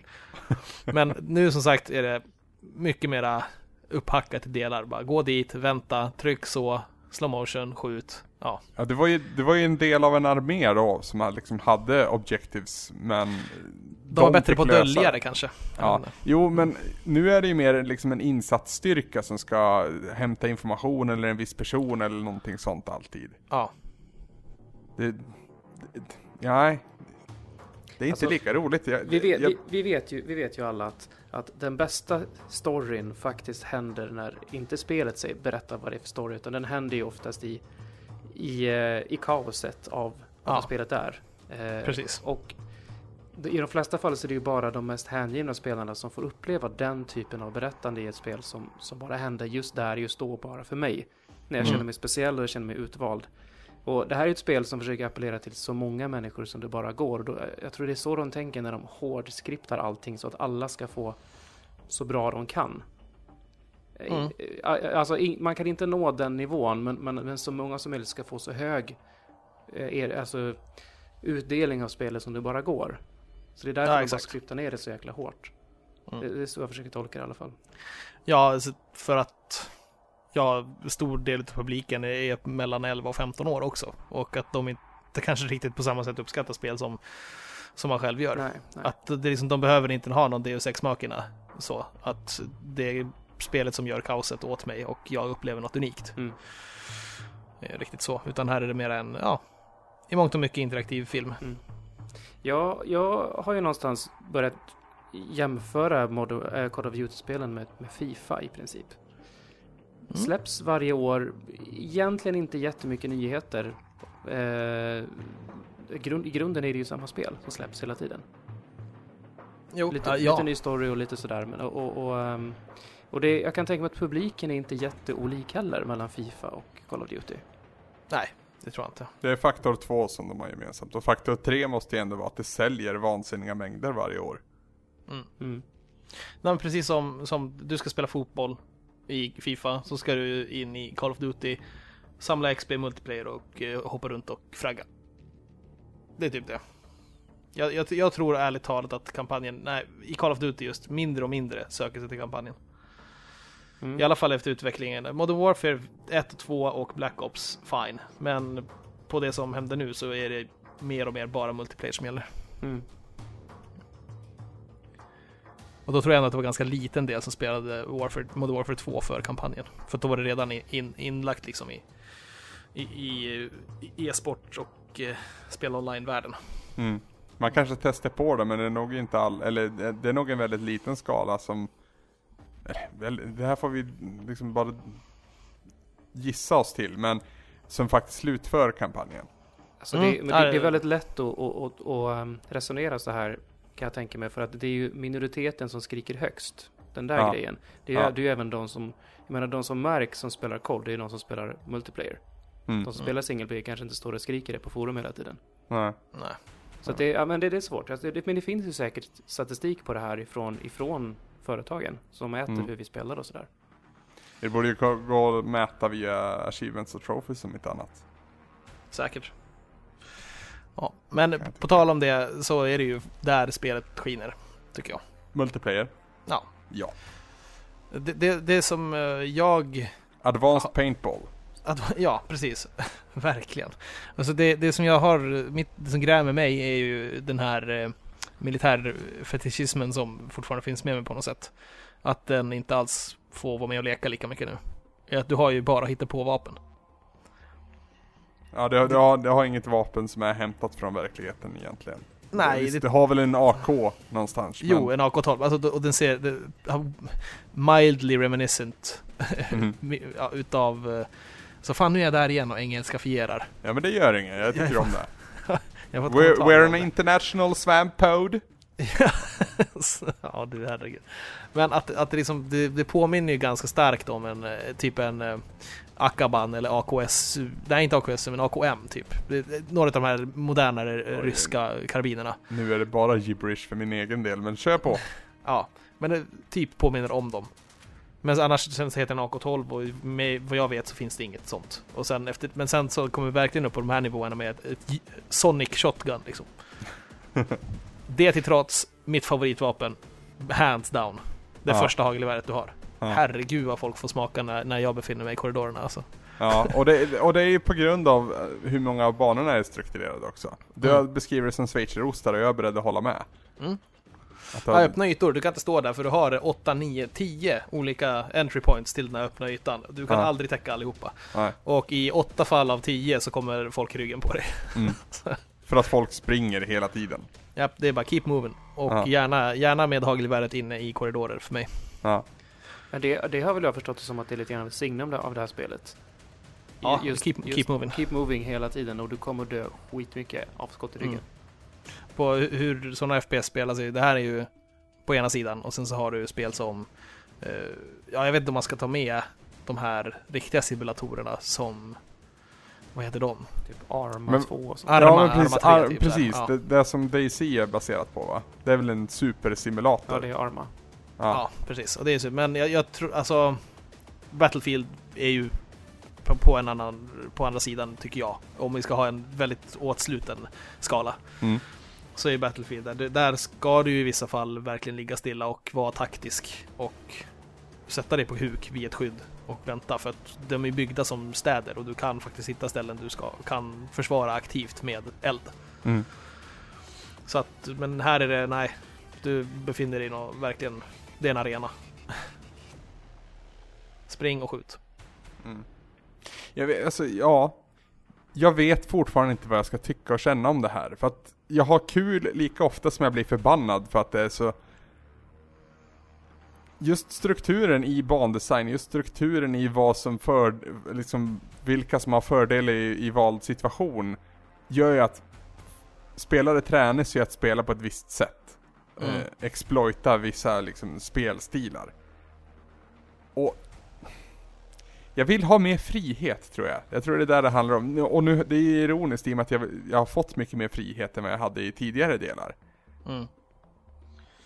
Men ja, Jag tror, jag tror titeln och visionen som man talade om när, när spelet skulle ut sålde mig lite mer än vad det färdiga spelet faktiskt gör. Mm. Och jag, kan, jag kan hålla med tror jag.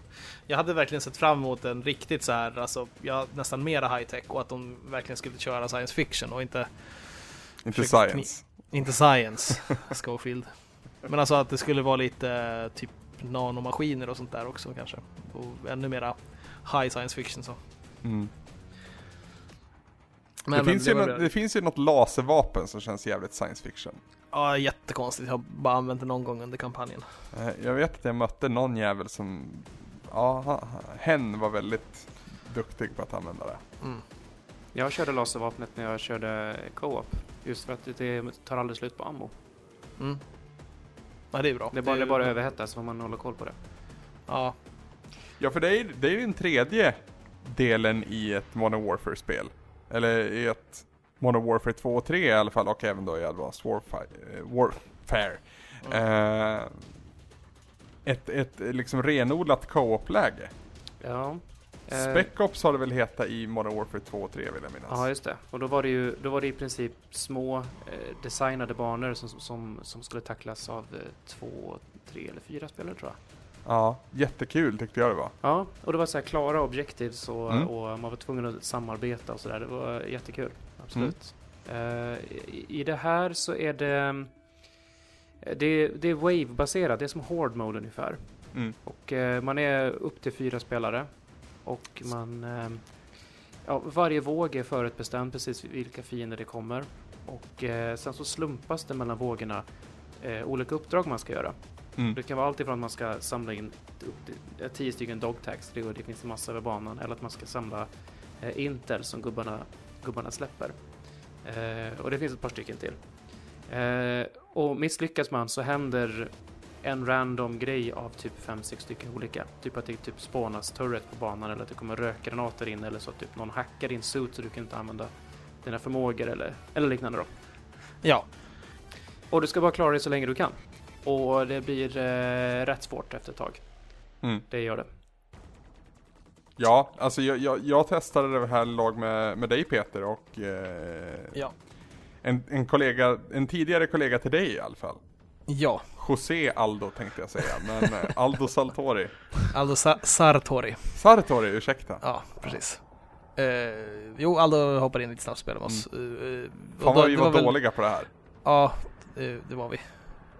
Det var, det- men vi kom, vad kom vi till? Sjunde, åttonde vågen? Ja, och flera gånger så fastnade det där. Det var liksom en, Ja. ett tydligt trappsteg, det som vi inte riktigt klarade Mm, av. Det är där någonstans som typ de osynliga gubbarna kommer in. Ja, Ja, massa right. skit. Mm. Eh, Ja, osynliga gubbar fick vi någon gång tror jag. Mm. Ja, Ja. fett drygt. Det, min, min, min initiala upplevelse från det här spelläget var att det kändes så jävla omotiverat. Det kändes som att, ja men vi- fuck it, vi gör ett hård mode också. Eh, Sätt Ja, B-laget på det. Exakt, Mm. och sen ut, utan faktiska rewards. Jag tycker det är konstig design att inte ha eh, någon slags unik belöning ifrån en sånt där eh, spelläge när du ändå har ett eh, system där du kan bygga din karaktär manlig och kvinnlig med olika kläder. Mm. Mm. Ja, för de är, helt, de, de är helt separerade de här. Det Ja. är ingenting som bryggar över mellan dem alls. Ja, hur de belöningar som finns, de får du ju liksom under matchens gång. Ja, det är alltså, det är alltså alla startar på noll, alltid. Ja. Och sen så får du poäng beroende på vad du gör och så i spelet som du sen Ja. kan gå till en liten affär och handla grejer för. Ja, jag tror du, de belöningar du pratar om Peter, för att okej om man måste ha det strukturerat så att alla ska börja med samma förutsättningar, men det är mer liksom kos, eh, kosmetika egentligen. Jo. Som, som man Ja, skulle men- kunna få då. Jag, jag, men det skulle vara skitkul och bara, jag har spelat uh, jättelångt i co-op och därför får jag ha de här balla solbrillorna när jag spelar online mot folk. Precis, precis. Ja, men det, det är inte så svårt och det skulle ge jättemycket och göra att jag skulle vilja spela det i alla fall om jag kunde få byxor och skor och solbrillor och fuck knows what. Jag tycker ju om att customisera min karaktär. Men du har ju tagit platen här Tobbe. Mm. Menar du då att man kan, att man ska spela ganska mycket co-op men inget multiplayer? Det är inget multiplayer överhuvudtaget. Och, och co-op, där ska du, ehm, du ska klara upp till level, bana nivå 50. Eller liksom Jesus wave Christ. 50. Alltså det, det går ju runt vid 25. Klarar du 25an så, går, så blir det ett. Det är bara att då, och då liksom det, då kommer samma typer av gubbar som det kom på första rundan på nivå 1. Fast de Ja. är lite bättre den här gången. Okej. Hur många gånger fall, följde vi typ nivå 45? Alltså, jag spelade, jag spelade på riktigt. så spelade jag fram till, upp till nivå 25.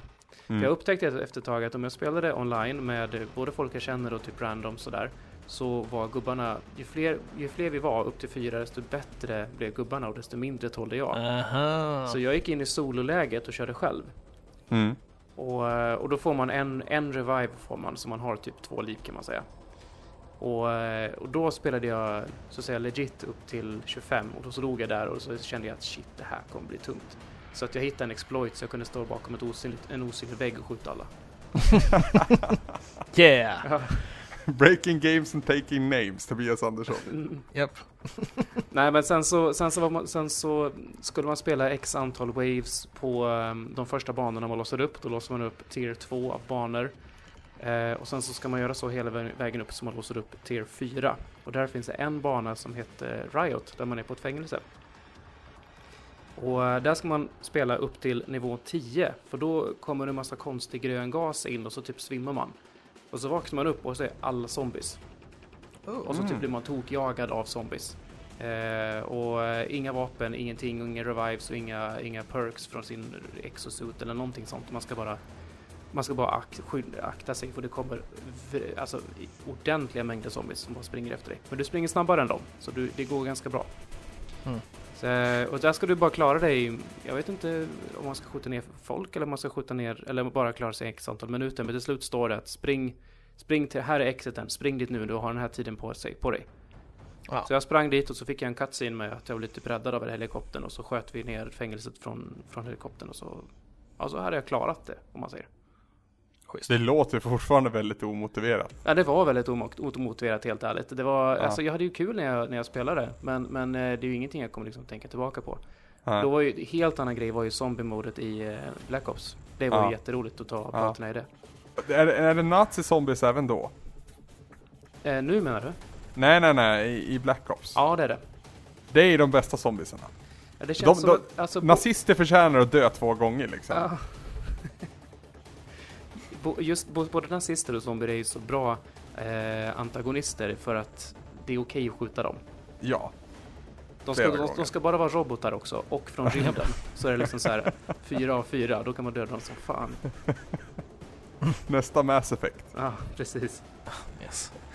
Men så på tal om nästa, jag, jag, jag tycker ändå att det, den världen de har byggt med den här sättningen nu kring 2050 med eh, jättestora, eh, en, ja det är egentligen bara ett företag då, Atlas, men i alla fall hur, hur tekno, dit teknologin tagit sig och sådär.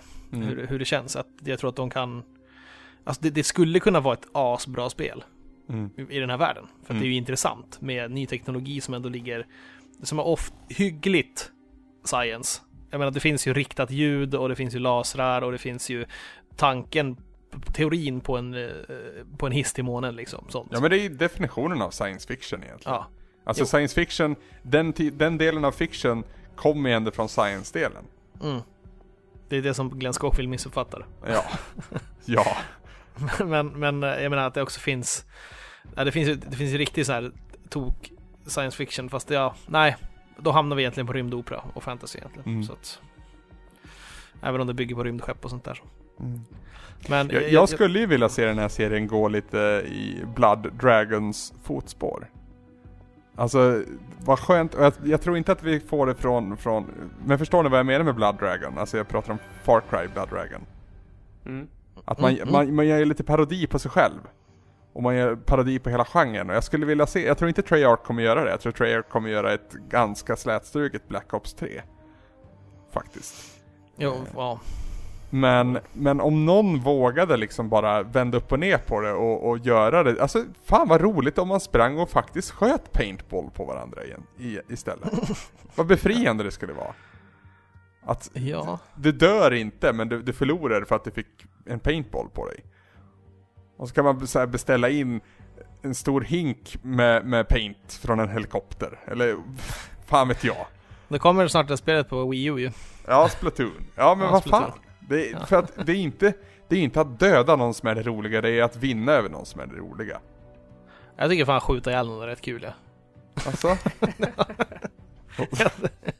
jag tycker, men det är sådär, jag säger det, jag tycker om att få hålla i en, i en eh, M4 med Beta C-magasin och, och lasersikte liksom och bara mosa. det, någonstans där bakom liksom det yttre skalet så finns det en liten militär pitt i dig Peter. Gud ja. Det var det är ett arv från tonåren så här. Nu är jag egentligen pacifist och eh, allt sånt där va. Men just bara alltså, att, att få göra det i, i fiktion. Mm. Att hålla på så här, den här Tom Clancy-romantiken som finns. Jag, jag, har, en svaghet för det. Mm. Men, men bara leva med det. Mm. Keep firing. Men ska vi försöka summera vad vi ändå tycker av? Det är ändå en poddrecension det här. Mm. Det, det är ett spel jag kommer komma tillbaka till och ha kul precis som andra liksom, tidigare Call of Duty-spel. Eh, för i, i grunden så är det ett roligt flerspelarspel. Eh, Mm. Som är essensen av Call of Duty-franchisen numera. Eh, jag önskar givetvis att det skulle kunna, för det skulle kunna vara så mycket mer, men man skulle inte heller sälja lika bra. För att de spelserier jag gillar, rent generellt, de säljer inte ens i närheten av så bra som Call of Duty-franchisen gör. Så att det är liksom bara att acceptera fakta. Att jag, får, jag får leva med liksom dumskalle action för att få det som jag tycker är roligt i- Call of Duty. Det, Jo. det är så världen fungerar tydligen. Ehm, vi har ju inget betygssystem här men alltså det är vad det är lite grann. Eh, jag vet inte om jag kommer spela så många fler Call of Duty-spel efter det här. Jag vet inte om... Fast det har jag ju sagt flera gånger och sen när jag kommer tillbaka nästa höst och köpt ett jävla spel ändå. Det blir ju så. Det, är- det är ju lockande. Men för mig är det bara multiplayer. Men jag lockar. önskar att Infinite Wards nästa spel fångar mig som deras Black Ops gjorde. De kanske har så här varannat spel fokus de också. Trey- Treyarch, Treyarch menar du? tänker du? Ja men förlåt, förlåt. Ja såklart, Men jag- Treyarch menar jag. Ja, alltså ett, ett Black Ops i, i en sån här värld. Nu ska jag flyga iväg på såna här grejer igen. Men alltså ett Black Ops i världen som eh, Advanced Warfare byggde. I, samma tidsera. Nu blir det ju verkligen Tom Clancy. Ja, det, men det skulle också kunna bli det här skitiga Neil Blomkamp-känslan skulle det kunna vara. Ah. Liksom så här svart eh, kliniker med cybernetik och eh, typ skitiga bakgator. Inte alls samma resurser som de här företagen har. Och typ längst ner i så här, och så är man en ensam operativ som är helt cut off från, eh, ja, ja men ni fattar vad jag menar. Aha, aha. Typ alltså riktigt tone down på resurserna men i samma värld. Ja, alltså bara få sitta i förarsätet ett tag vore så jävla befriande. Ja, faktiskt. Alltså jag tycker ju det är kul. Precis som att jag kan tycka att en riktig sån eh, ostig rulle på en bakfull söndag är ganska underhållande. Ja men lite som Real Steel. Ja, ja precis så. Den av alla filmer. Ja men den är så korkad men fan att man sitter där i slutet ändå och tycker att det är kul att se den. Ja. Så att, Ja, ja, men ja, eh, ja, jag kan nog tänka mig att spela eh, till kod. Men jag är inte jättesugen just nu. Men det kanske det är innan till nästa, till nästa höst igen. Ja. Ja, Ja. jag, kom, jag kommer fortsätta. Det, jag kommer hoppa in och spela. Det som jag saknar, alltså för mig, där jag kommer ifrån, är ju att sitta och lana eh, 10 pers i ett garage och spela Quake 2, 5 mot 5. Alltså ta mig fan, det är 6 mot 6 i det här spelet. Tänk att få kunna spela det mot folk från Twitter, eller bara vi i redaktionen ett gäng och mot lite annat folk. Alltså hur mycket roligare det skulle bli. Det skulle explodera av lulls för mig. Ja, ja. Alltså, och, och det är det jag saknar, att sitta och spela mot fucking anonyma schmoes där hälften av dem sitter och bara svär i mikrofonen så man måste På tyska. Alltid på tyska och de är inte över 14 år. Nej. Eller så är det liksom där min, min nivå ligger. Att jag blir inte bättre än så. Så jag är fast för evigt med den tyska tonåringen. Internet är för bra. Vi skulle behöva flytta våra maskiner hem till varandra och köra ett LAN. Ja. Linka 10 PS4 och bara köra. Ja. Det det jag vill göra egentligen. För fan när vi fick testa på, på vad heter det, vad heter det stället då? Ja, det är Odenplan i alla fall där. Eh, Så då var det ju 6 mot 6 på ihoplänkade eh, X-Bone. Och där, det är jättehög puls och jättekul att skjuta i liksom skjuta ihjäl folk man känner lite halvt sådär. Mm, mm. Det är det som är grejen med FPS. Jag tycker att det har försvunnit lite med hur multiplayer går. Det som är kul i multiplayer här är ju det är bara att samla prylar och Mm. få XP. Och sen att Sonic det är Shotgun. ta- ta- ja, Sonic Shotgun. Jävligt tight, roligt FPS. Mottagandet har ju varit positivt. Sett över eh, ett större perspektiv. Och försäljningsmässigt så verkar det gå ganska bra också. Så vi lär väl få se en tvåa någon gång i framtiden. Call of Duty är här för att stanna. Så är det väl med det. Men vi fortsätter recensera spelen och spela dem förmodligen. Men hittills så har det varit upp och ner. Så får vi se vad framtiden har att erbjuda. Let's see the amazing spinning, sniping 10-year-old. He's got more revs per minute than the disc in his console. Take care when laughing at his spinning choreography.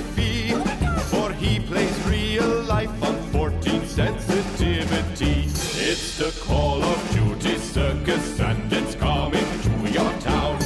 With diving, flying acrobats and such